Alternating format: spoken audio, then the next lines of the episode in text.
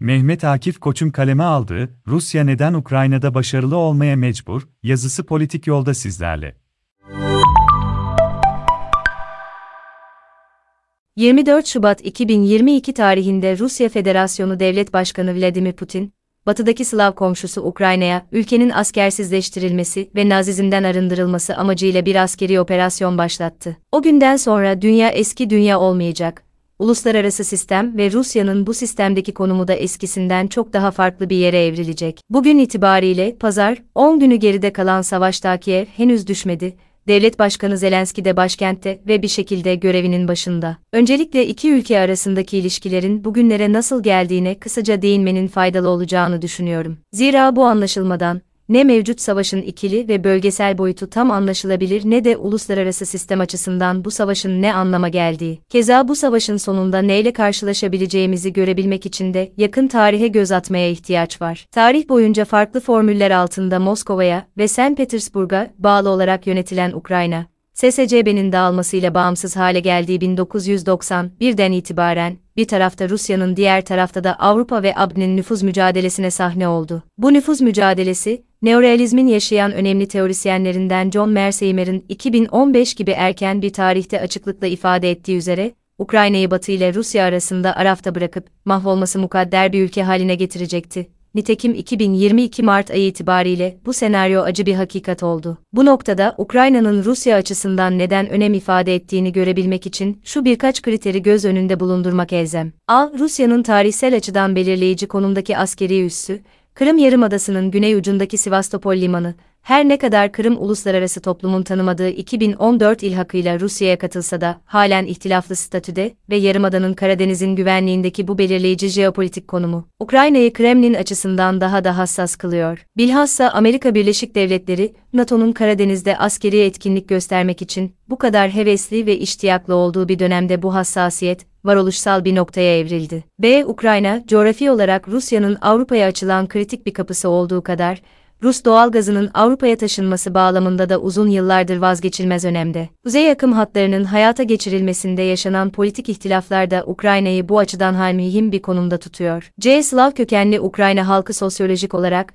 Rus toplumunun kendinden saydığı ve öteki olarak görmediği bir topluluk. Her ne kadar tarihsel süreçte dil ve kimlik olarak ayrışmalar yaşansa da SSC'yi oluşturan cumhuriyetler arasında Belarus ve Ukrayna halkları Rusların çekirdek halklar olarak gördükleri topluluklar. Nitekim bu zihni arkaplan sayesinde Nikolay Podgorny gibi Ukraynalı bir siyasetçi, 1965-1977 arasında SSCB Yüksek Prezidyumu Başkanlığı gibi en üst düzeyde liderlik görevinde bulunabildi. Bunun yanında Ukrayna'nın doğu ve güney bölgelerinde yoğun bir Rus nüfus yaşıyor ki bu durum, Rusya dışındaki Rus toplulukların haklarının savunulması bağlamında Kremlin'in hassasiyet gösterdiği ilave bir husus. D. Dini açıdan da Ukrayna toprakları, Kuzey Slavlarının Ortodoks Hristiyanlığı kabul ettikleri topraklar olması hasebiyle kültürel önem arz ediyor. X, yüzyılın sonlarında Kiev Rus Prensi Vladimir'in Bizans üzerinden Ortodoksluğu kabul etmesiyle birlikte, Slavlar arasında bu din hızla yayıldı. Nitekim SSCB'nin son yıllarındaki açılım döneminde,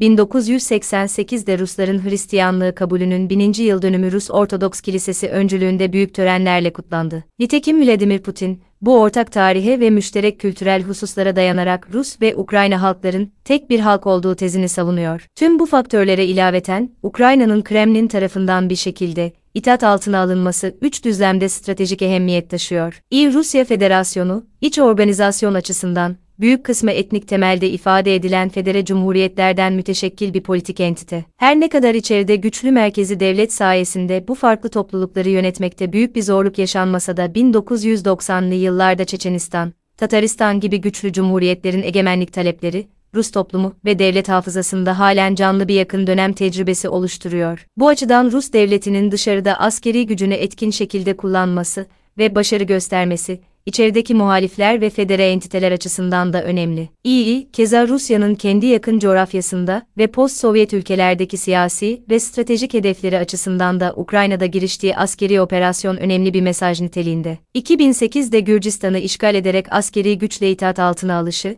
2020 yılı sonunda Karabağ ihtilafında doğrudan askeri güçle sürece müdahil oluşu ve hem Azerbaycan hem de Ermenistan'a gözdağı verilmesi. Son olarak 2022 yılı başında Kazakistan'daki sokak protestolarına kolektif güvenlik anlaşması örgütü KGAÖ şemsiyesi altında yine doğrudan askeri güçle müdahale edip mevcut yönetimi koltuğunda tutması ve benzeri gelişmeler, Rusya'nın kendi bölgesindeki ülkelere mesaj verme kaygısının da bir yansıması. Ukrayna'da elde edilecek bir zafer veya başarısızlık, bu coğrafyada yine kayda değer bir karşılık bulacak. İyi, uluslararası sistem bağlamında, Rusya'nın yeniden süper güçler sahnesine dönüşü yolunda son 20 yılda yükselen grafini tamamlamak açısından 2008 Gürcistan, 2013 Doğu Ukrayna, 2014 Kırım, 2015 Suriye, 2020 Karabağ, 2022 Kazakistan. Kremlin'in Ukrayna'ya diz çöktürmesi çok büyük sembolik ve stratejik kazanım olacak. Avrupa ülkeleri ve bilhassa ABD'nin açıktan destek verdiği Kiev'deki Kremlin karşıtı yönetimi düşürmek ve kendi desteklediği bir iktidarı Ukrayna'da iş başına getirmek, sadece askeri değil aynı zamanda stratejik de bir hedef. Ukrayna'da uğranacak bir başarısızlık, hatta hezimet,